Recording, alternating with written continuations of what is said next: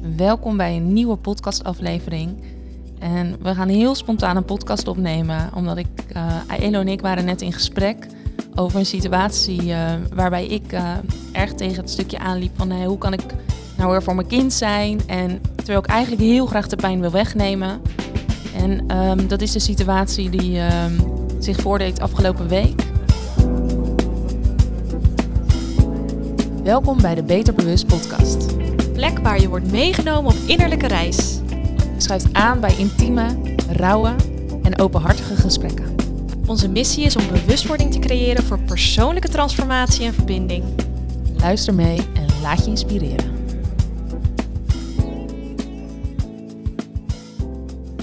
Mijn oudste dochter die kwam heel verdrietig thuis. En ze vertelde dat iemand tegen haar aan was gereden en dat het opzettelijk was gedaan. En mijn mama-alarm ging ontzettend af. Ik werd heel erg boos van binnen. En ik dacht alleen maar, hoe kan ik nou haar en helpen? En uh, dat zij het gevoel heeft dat ik er ben. En dat ik met haar samen kan gaan kijken van, hey, hoe, hoe kunnen we dit samen dan uh, oplossen? En voor je eigen kindpijnen zorgen. En voor mijn eigen kindpijnen zorgen. Omdat het bij mij enorm veel triggerde natuurlijk. Ja, want dat is het mooie in uh, onze samenwerking ook. Ik heb begeleid mensen in sessies heel vaak met de eigen innerlijke kindpijnen. En jij bent heel erg met mensen bezig die kinderen hebben ook van... hey, wat spiegelt jouw kind voor jou? En wat mag ja. je dan voor jezelf ook gaan doen en voor jouw kind? Dus ja. dat is ook die dubbele laag, hè? die dubbele interactie die dan plaatsvindt. Ja, absoluut. Dus en je moet aanwezig zijn voor je kind... En je moet aanwezig zijn voor jezelf. Ja. Nou, een twee keer pittige, dragen. pittige uitdaging. uh. Ja. ja, absoluut. Ja, dus wat deed je? Ja, uiteindelijk ben ik eerst gaan zorgen voor mijn eigen kindpijn. En hoe heb je dat gedaan?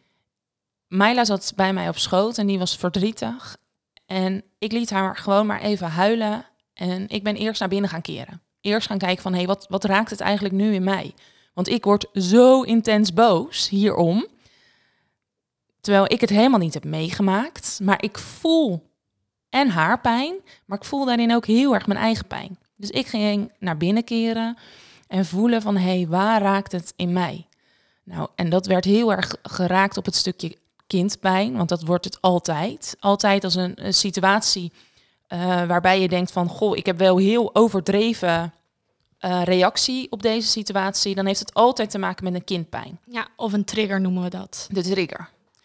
Dus dan krijg je eigenlijk de uitnodiging om dus voor jouw eigen kindje te zorgen. Dus ik ging naar binnen keren, naar mijn eigen kindje en kijken van, hé, hey, wat gebeurt er?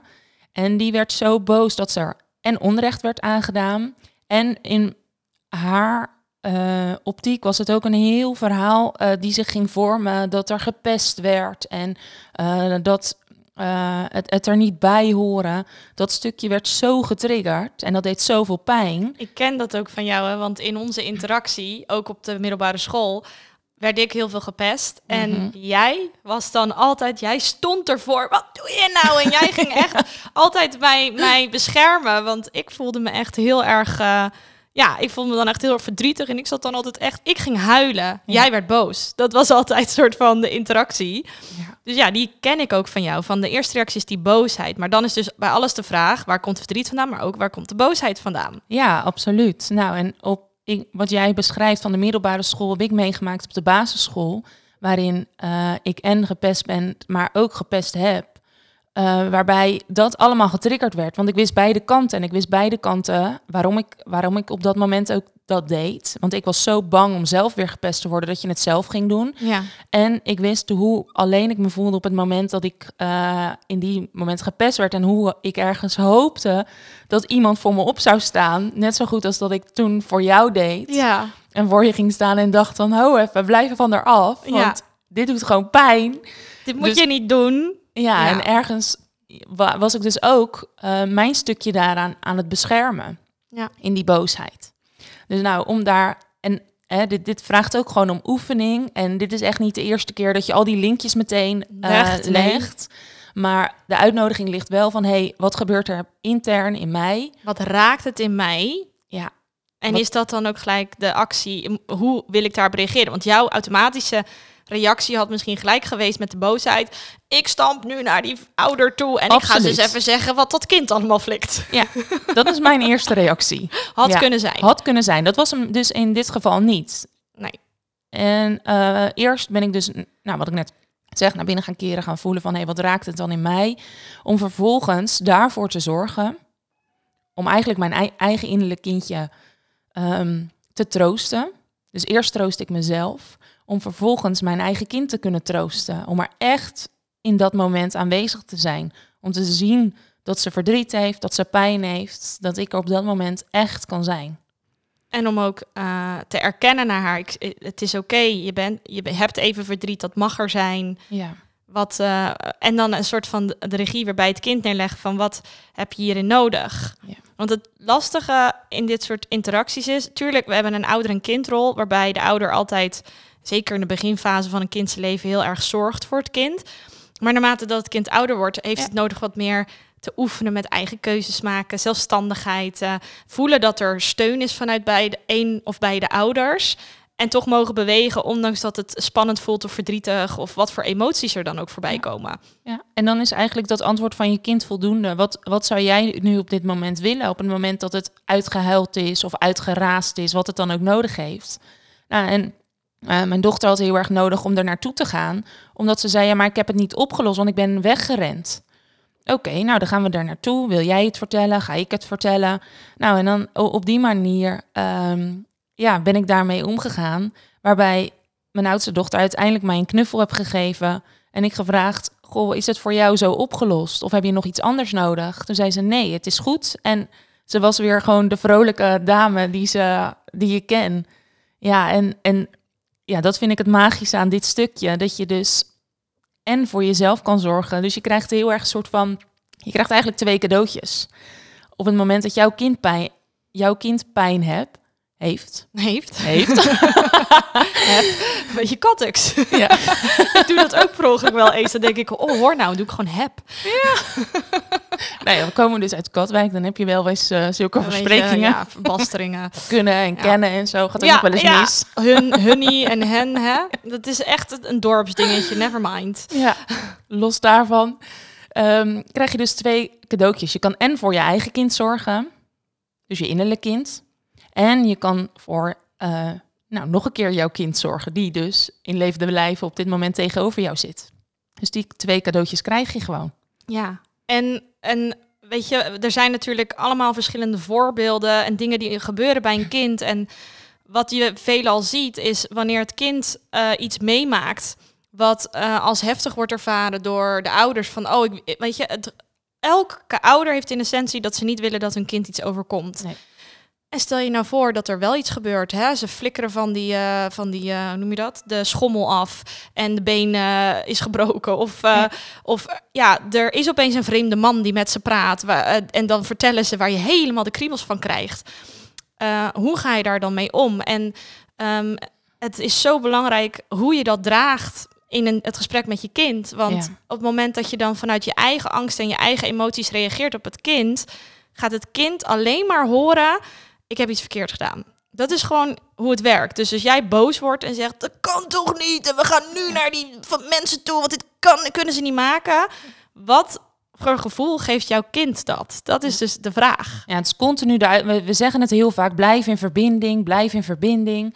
En ehm, een, een quote die ook op de eh, website straks komt te staan, eh, is ook: maak verbinding eerst met jezelf en vervolgens met je kind, omdat dat de essentie is. Je zal eerst verbinding met jezelf moeten maken, weten waarom je je ehm, voelt op dat moment zoals je je voelt, zodat je daar aanwezig voor kan zijn, om vervolgens echt aanwezig te zijn voor wat het kind meemaakt. Want het is super dapper op het moment dat er iets gebeurt in interactie met een ander kind of met een andere ouder of nou, wat dan ook. Het is super dapper dat jouw kind naar jou toe komt. En dan vraagt jouw kind dat er naar geluisterd wordt. En dat je dus samen gaat onderzoeken van... hé, hey, hoe, hoe was dit voor jou en wat kun je doen? In plaats van dat je meteen een oordeel hebt... of eigenlijk jouw projectie van de situatie botviert gewoon maar op jouw kind. Zoals we die net al benoemd hebben, zijn dat triggers die zich voordoen. Uh, en ik heb hem nu verteld vanuit de ouderrol. en uit, de- vanuit de ouderrol krijg je eigenlijk iedere dag wel een aantal spiegels van je kind. Sowieso. En je dat kind kan, is je grootste spiegel. ja, en dat kan al zijn met echt de kleinste dingetjes. Dat ze ergens niet om luisteren of dat ze iets, over iets blijven doorzeuren. En meestal is niet luisteren. Niet luisteren is echt een van de grootste triggers eh, van, van de ouder. Omdat je wordt en niet gehoord en je wordt niet gezien. Ja, hoe bedoel je kindpijnen? En je wordt niet gewaardeerd. Dus ergens zit er vast wel in dat pakket een kindpijn eh, waar jij ehm, uiteindelijk boos of gefrustreerd op reageert. Ik weet daar wel een heel mooi voorbeeld van. Eh, een tijd geleden heb ik een sessie met een dame gehad. En zij eh, vertelde dus ook, ehm, deze dame heeft hoogsensitieve eigenschappen. Dat betekent dus dat je sowieso wat gevoeliger kan zijn voor bepaalde prikkels die binnenkomen. En we hadden ontdekt dat die bij haar voornamelijk op het auditieve zaten. Dat betekent dus bepaalde intonaties, bepaalde stemklanken of volume van iemand, hoe hard iemand praat of hoe zacht. Dat kan iets, eh, kan iets teweeg brengen in het lichaam bij deze dame. Kan ook zelfs associaties terugbrengen naar hoe jouw vader of moeder of iemand jou vroeger heeft behandeld. Dat als iemand heel hard begint te praten of zelfs tegen jou begint te schreeuwen, al is het een kind, dat jij eventjes in een trigger komt van "Oh, zo en naar een associatie gaat van vroeger zo behandelde mijn vader mij ook vroeger altijd. En dan komt er een kopingsmechanisme omdat je je eigen pijn wil verbergen. Of in ieder geval niet wil voelen of laat staan. Zeker bij ouders. Ik wil ook niet dat mijn kind dat ziet, want ik moet nu voor haar zorgen in plaats van voor mezelf. Dat is, dat is dan automatisme. Ja. Dus zij gaf een voorbeeld. Ja, eh, mijn kind, ik heb een heel lief kind, maar... ah, en toen hoorde ik al die frustratie in de ondertoon. Eh, dan zijn we aan tafel en dan komt ze en dan begint ze... Ja! En dan gaat die toon omhoog en dan begint ze het blij te laten zien wat ze heeft gedaan. En ze stuitert in het rond en ik word helemaal gek. Ik denk alleen maar, hou je mond. Ik, word, ik ben moe, ik, heb even, ik kan niet luisteren. Zegt ze, en dan voel ik me schuldig, want ik wil haar wel die aandacht geven. Dus ik zei, oké, maar wat zeg je dan tegen je kind op dat moment? En dit, dit is dus het mooie over tussen je binnen- en buitenwereld. En ben je dan eerlijk naar je kind? Want een kind voelt alles aan. Ja. Dus zij zegt, ja, mijn kind komt dan binnen en die begint la la la la la. En die begint om zich heen te stuiteren, hard volume. En wat zeg ik? Weet je, eh, Sarah, even, even rustig. Ja, even die blijheid indimmen Even- eigenlijk. Nou, het kind hoort, ik mag niet zo zijn in de onderlaag. Ik mag dus niet zo enthousiast en blij zijn. Ik word daarop afgestrapt. Ik doe iets verkeerd en mama heeft last van mij. Dat legde ik die moeder uit. Dus zei, ja, maar dat wil ik haar niet als gevoel geven. Ik zeg, oké, maar wat zou je dan wel kunnen zeggen... waardoor Sarah begrijpt dat jij, ehm, dat het niet aan haar ligt... maar dat er iets in jou omgaat. Nou, dan is altijd even stil. dan zegt iemand, Ehm, zoeken, zoeken, zoeken. eh, hoe moet ik dat doen? Ik zeg, nou, ga maar eventjes de volgende keer, want dit, haar man had dit ingebracht. Ze zei, mijn man eh, vroeg of ik dit even in de sessie wilde inbrengen, want hij was nieuwsgierig hoe, hoe we dat dan zouden kunnen veranderen. Zeg, ga maar de Wat volgende prachtig, keer. want dat is de eerste stap, hè? even tussendoor. Dat je bewust bent van dat je iets doet wat je eigenlijk dus helemaal niet wil doen, maar dat je nog niet weet hoe het anders kan. Precies, want zij was echt heel bewust van haar eigen dingetjes, maar ze, en ze wilde dus ergens niet dingen projecteren op haar kind, maar onbewust gebeurde het wel, want ze was niet eerlijk naar de eigen sensaties en gevoelens. Hm. Dus ik zeg tegen haar, wat je kan oefenen is dat de volgende keer dat je kind bij je komt en weer heel hard begint te praten, dan zeg je dit. Dan gaan we naar het stukje invoelen, erkenning. Sarah, ik zie dat je heel enthousiast bent en ik hoor het. Ik wil ook heel graag naar je luisteren, maar ik merk dat eh, eh, ik heb zelf een beetje last van hoe hard je praat, dan kan ik niet goed naar je luisteren. En ik wil heel graag naar je luisteren. Dus als je misschien ietsje zachter praat of iets rustiger, dan kan mama het volgen. En dan ben ik heel benieuwd wat je te vertellen hebt. En toen was heel stil. Toen zei ze, oh, ja, ja. Ik zeg, want het gaat niet om jouw kind in dit geval. Het gaat om dat jij voelt, oh, er wordt te hard gepraat en ik heb daar last van. Ja. En dat is ook het enige waar je dan nog op kan focussen. Dus je kan niet meer naar je kind luisteren. Nee, En dan ben je alleen maar bezig van... Oh, ja, maar ik moet luisteren, want ze is nu super enthousiast... en ze wil iets vertellen, maar ik kan het eigenlijk niet te horen. oh dus nee, oh nee. nou, je hoort al superveel strijd wat er van binnen Ja. gebeurt. In plaats van dat je dus, nou heel mooi, aansluit bij... hey, ik zie dat je blij bent en dat je enthousiast... Nou, ik doe soms ook wel eens, want hè, van een kind vragen... dat als het onwijs aan het stuiteren is en bubbly is... eh, om te zeggen van je moet iets zacht... of ik wil eigenlijk dat je iets zachter praat, anders Ja. kan ik je niet volgen. Ja. Dat je even dat moment pakt dat ze super blij zijn... dat je maar gewoon even in het rond gaat staan springen. van, Precies, ik even zie dat je super blij bent. Ja. Ik zeg, nou, ik word er zelfs blij van. Ik ga even met je meedansen om vervolgens dus even te ontladen. Ja, Oké, en we gaan weer eventjes. Ja. Want het enthousiasme, dat is gewoon super mooi. En je, je wil, weet je, kijk, een kind zal altijd iets meenemen. Je kan het nooit helemaal goed doen. Ze zullen altijd iets integreren van een pijn van, oh, ik heb dit gemist of ik heb dit gewild in een ehm, in de relatie met jouw mama of papa en dat heb ik niet gehad. En meestal komt dat rond de puberteit er een beetje zeurderig uit. dat hoort erbij. Ja, en dat is ook ehm, niet dat het, het, het gaat altijd gebeuren. Ja. Dus ik vond dat voor mij als ouder echt heel erg, eh, eerst heel erg confronterend. Maar vervolgens gaf het me ook heel veel berusting dat ik nooit alles goed ga doen. En dat ik mijn kind dus ook kindpijnen ga geven. Ja. En ze gaan pijnen krijgen. Dat is een waarheid. Je kan het niet. En dat is wat je vaak ziet. Uh, je bent zelf kind geweest, je ervaart zelf kindpijn. Ik ben nu nog geen moeder, maar ik ben ook nu probeer ik zoveel mogelijk shit op te ruimen wat, van wat ik weet, wat ik bij me heb gedragen.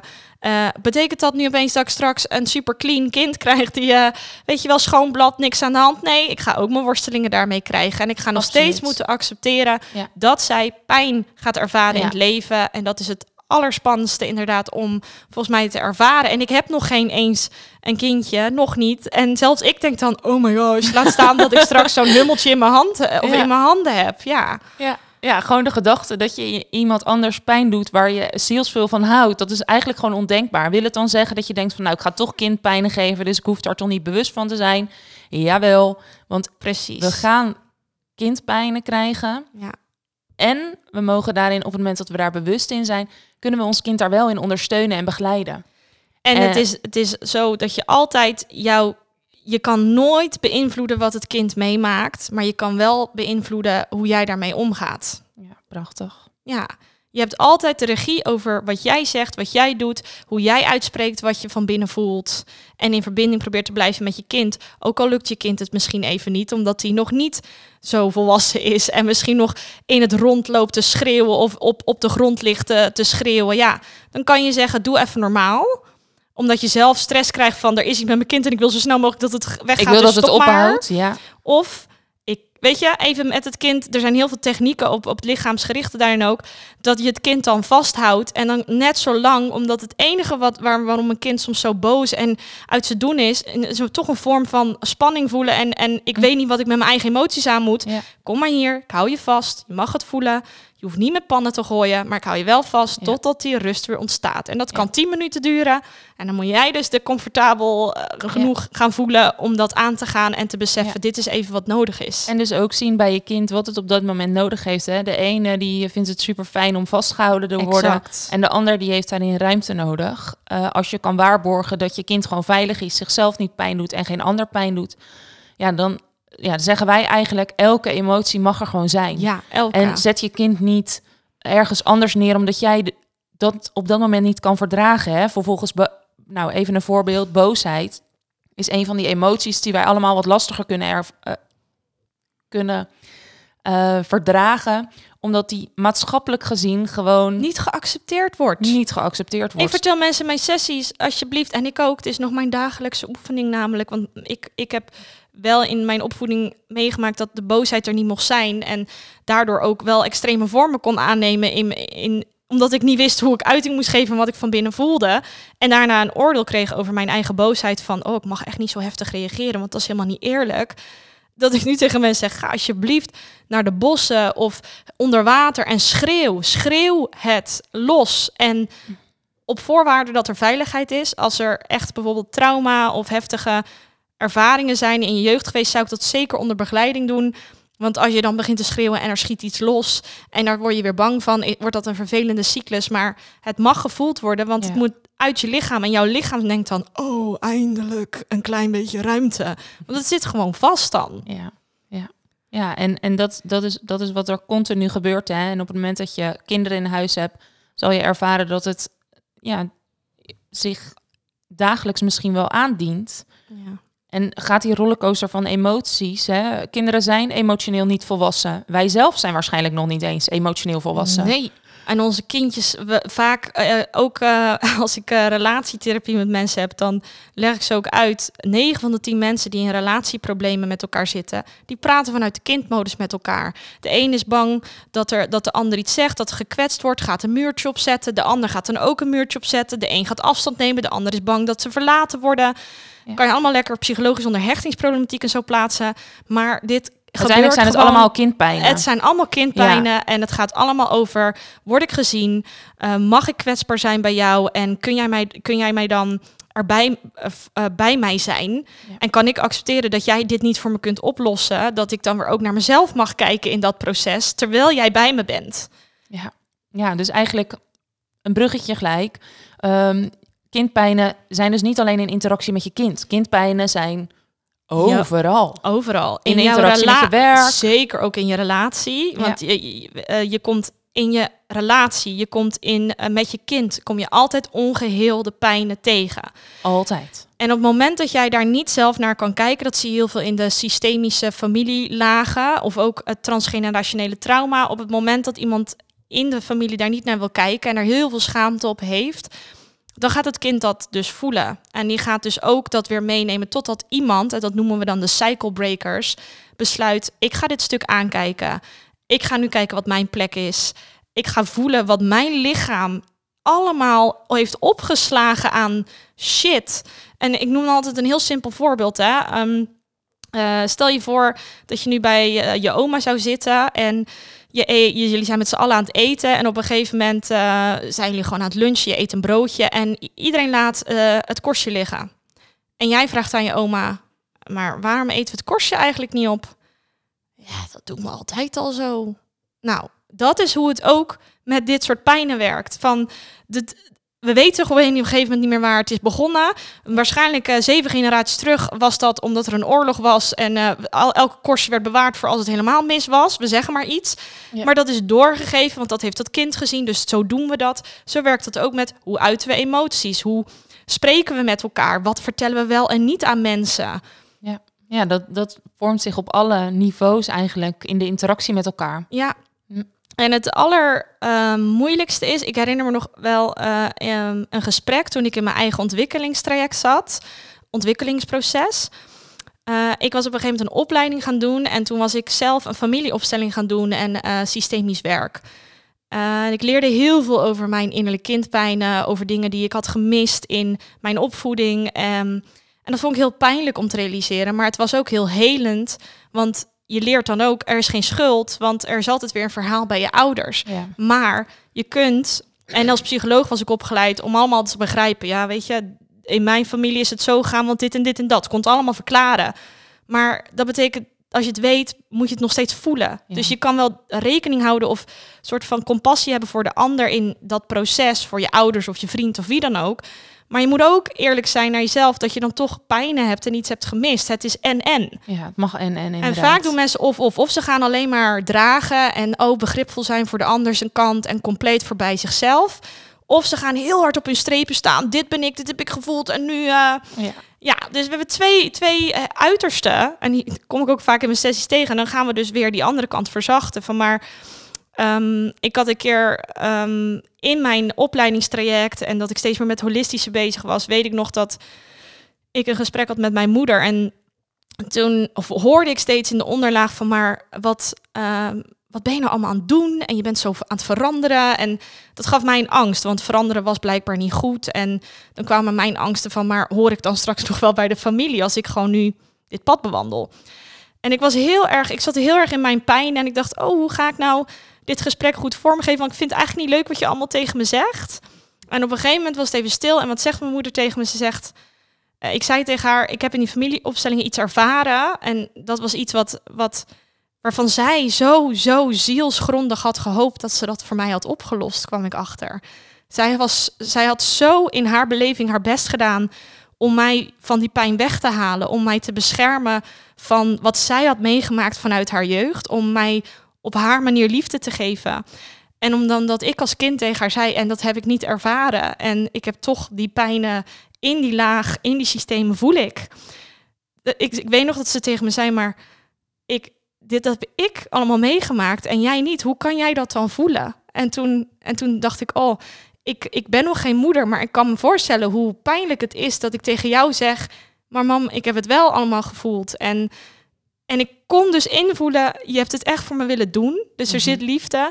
En het is misschien niet gelukt. En daar zitten allemaal eigen gevoelens bij waar ik niks mee kan doen. Daar moet je dan weer even zelf naar kijken. Ja, daar mag de ouder dan zelf voor zorgen. Ja, En ik zie dat hij raakt, want ja, je, als kind ben je altijd zo loyaal naar de ouder toe, Ja. want je wilt helemaal niet daarin je eh, iemand. Nou, je geeft dus niet de schuld, maar je legt je eigen beleving uit. En ik, ja. ja, jij bent moeder. Dat jouw dochter tegen je zegt: Mam, dit heb, ik, eh, dit heb ik ervaren. En hier heb ik heel veel verdriet of pijn of angst op gehad.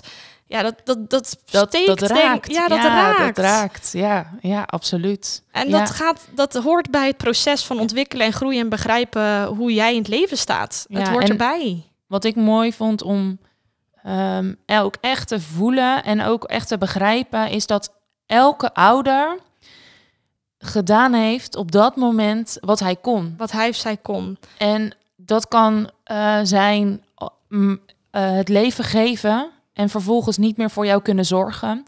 Dat kan zijn inderdaad allerlei trauma's doorgeven, omdat hij niet bewust was dat dat. Of, of omdat ze oprecht dachten, als ik het wegstop dan. en gewoon nu mijn leven op een andere manier leid, ja, en jou met liefde opvoedt, komt goed. Ja. Er was ook zoveel wat we nog niet wisten over transgenerationeel trauma. Dat dat letterlijk in je cellen gewoon doorgegeven wordt. En, en een ander eh, iemand daar eh, een ziekte van kan krijgen omdat het ergens in de lijn terug is gegeven. We gaan ook in een Ja. volgende aflevering het over een baarmoederhealing sessie hebben. En dan ja. komt dit aspect ook heel op een hele kwetsbare, mooie manier terug. Maar die, die kindpijnen die je dus zelf hebt, in je, je hebt als ouder een kindpijn, je hebt eh, in je relatie kan je kindpijnen voelen. En de, op werkgebied, in vriendschappen, echt op elk gebied kan je. En het eh, enige wat je hoeft te doen is ermee zijn Ja. en de ander toestemming geven om ermee te mogen zijn. ja, dat is, en, en dat is de grootste uitdaging. En echt het mooiste, mooiste cadeau wat je jezelf kan geven. Nou, je hoort het al, wij zijn echt super, super, super eh, enthousiast over dit onderwerp. Ja. En dit is ook iets wat wij zelf heel erg veel Dagelijks toepassen. Omdat dit, ja, dit, dit vormt eigenlijk de basis om in verbinding te kunnen zijn met de ander. Ja, om in En je lichaam dus te mogen jezelf. voelen. Ja. En, en alle pijntjes te mogen ervaren. En ook tot besef te komen. Oh, nou dat verdriet, dat, daar ben ik wel goed gegrond mee. Dat kan ik uiten, daar voel ik me goed bij. Maar die boosheid. En even Die zeggen waar ik niet zo blij mee ben. Ja. En dan ga je dus onderzoeken. Maar waar komt dat vandaan? Welke herinneringen komen daarbij op? Wat vindt mijn innerlijk kindje hierin spannend? Welk gedrag zet ik dan eerder in? Waardoor Ja. de ander niet doorheeft wat er echt speelt. Hè, want ik... ja, want we saboteren onszelf natuurlijk in interactie met de ander continu. Natuurlijk. Ja, om maar niet bij, bij dat stukje pijn te komen. Dus het is ook echt spannend om, om daar naartoe te gaan. En ook zeker op het moment dat je er naartoe gaat... eh, met de gedachte van, goh, maar hoe gaat de ander daar dan op reageren... op het moment dat ik daar nu naartoe ga? Ja. Ja, dat... Ja, Ik zeg ook altijd in mijn sessies, je kan het wel weten en je kan het misschien ook wel voelen, maar wat doe je er dan mee? Ja. Spreek je het uit? Benoem je het? Doe je even iets voor jezelf om weer terug te komen in dat gevoel? Laat je het gevoel er zijn?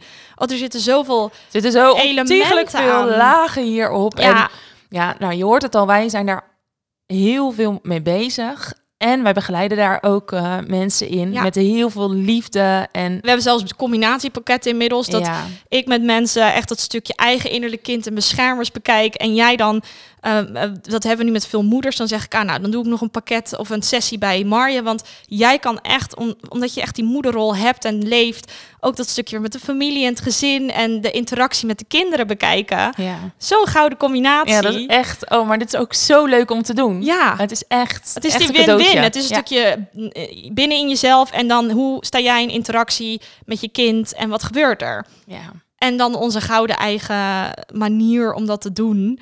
Dus ja, onze, onze boodschap is gewoon heel erg... eh, je mag leren dat een... Ik had er volgens mij een hele mooie quote van ook. Ja, Even volgens mij kijken. had je die eh, gepost ook afgelopen Ja, ik had op ja. LinkedIn een poster over gemaakt... en die kwam eh, bij heel veel mensen binnen. Kinderen worden niet getraumatiseerd omdat ze pijn meemaken. Ze worden getraumatiseerd omdat ze de pijn alleen moeten meemaken... en er niet over kunnen of mogen praten. Ja, en als ik die even laat binnenkomen, dan kan ik me voorstellen. En bij mij raakt die ook nog. Mhm. Kan ik me voorstellen dat die, misschien als je nu luistert, dat die ook raakt. Ja. En ga maar eens naar binnen bewegen. Want hè, als we vanuit de visie kijken dat elke ouder en iedereen zo zijn best doet om in liefde en in vertrouwen en in verbinding hun kind op te voeden. Als ik hem even vanuit de moederrol mag pakken. Ehm, en dan eigenlijk nu te horen krijgen van ons van ja, maar kind, kinderen gaan pijn van jou ook krijgen. Ja, die is confronterend. Maar ga eens naar binnen bewegen. Dat is eigenlijk de uitnodiging die we geven. Ga eens naar binnen bewegen om te kijken van hé, hey, wat raakt het in mij? Ja, want ook jij hebt een innerlijk kindje bij je. Jij krijgt ook associaties in de opvoeding met je kind. In, door het leven bewegen in hoe je wat je zelf hebt meegemaakt als kind. En dat vloeit door de interactie. En daar mag je ook mee zitten. En daar Ja. mag je ook af en toe aandacht aan geven. Nou, en ja, ik, ik vond het ook gewoon super geruststellend om, om te ervaren van ja, hallo, ik zit hier ook gewoon. Ja, Met alle kindpijnen die Ja. ik ook heb. Jij zit er ook met alle kindpijnen die jij hebt. jij Dus- hoeft het niet opeens allemaal nu te weten. En je hoeft ook zeker niet je kind duidelijk te maken dat je het opeens allemaal weet. nee. Hoe krachtig is dat je ook Ja. soms zegt, mama weet het ook even niet. En jouw kind gaat ook opgroeien met pijnen. En die zal er ook gewoon staan. En de uitnodiging ligt er om er te zijn voor je kind. Om het te dragen in de pijnen die ze dragen. En te zeggen, jij hebt alles in je. Je mag alles voelen. En ik ben super trots op je dat je elke keer die beweging maakt. Oh, dan moet, dan moet ik gelijk Oh. denken aan dat je dat net nog voor mij deed. Dan word ik helemaal emotioneel. En daarmee sluiten we hem lekker af voor eh, ja. deze keer. We sluiten af met de mooiste eindquote. Je kunt altijd de persoon worden die de jongere versie van jezelf nodig heeft. Mm, ja. Heel mooi.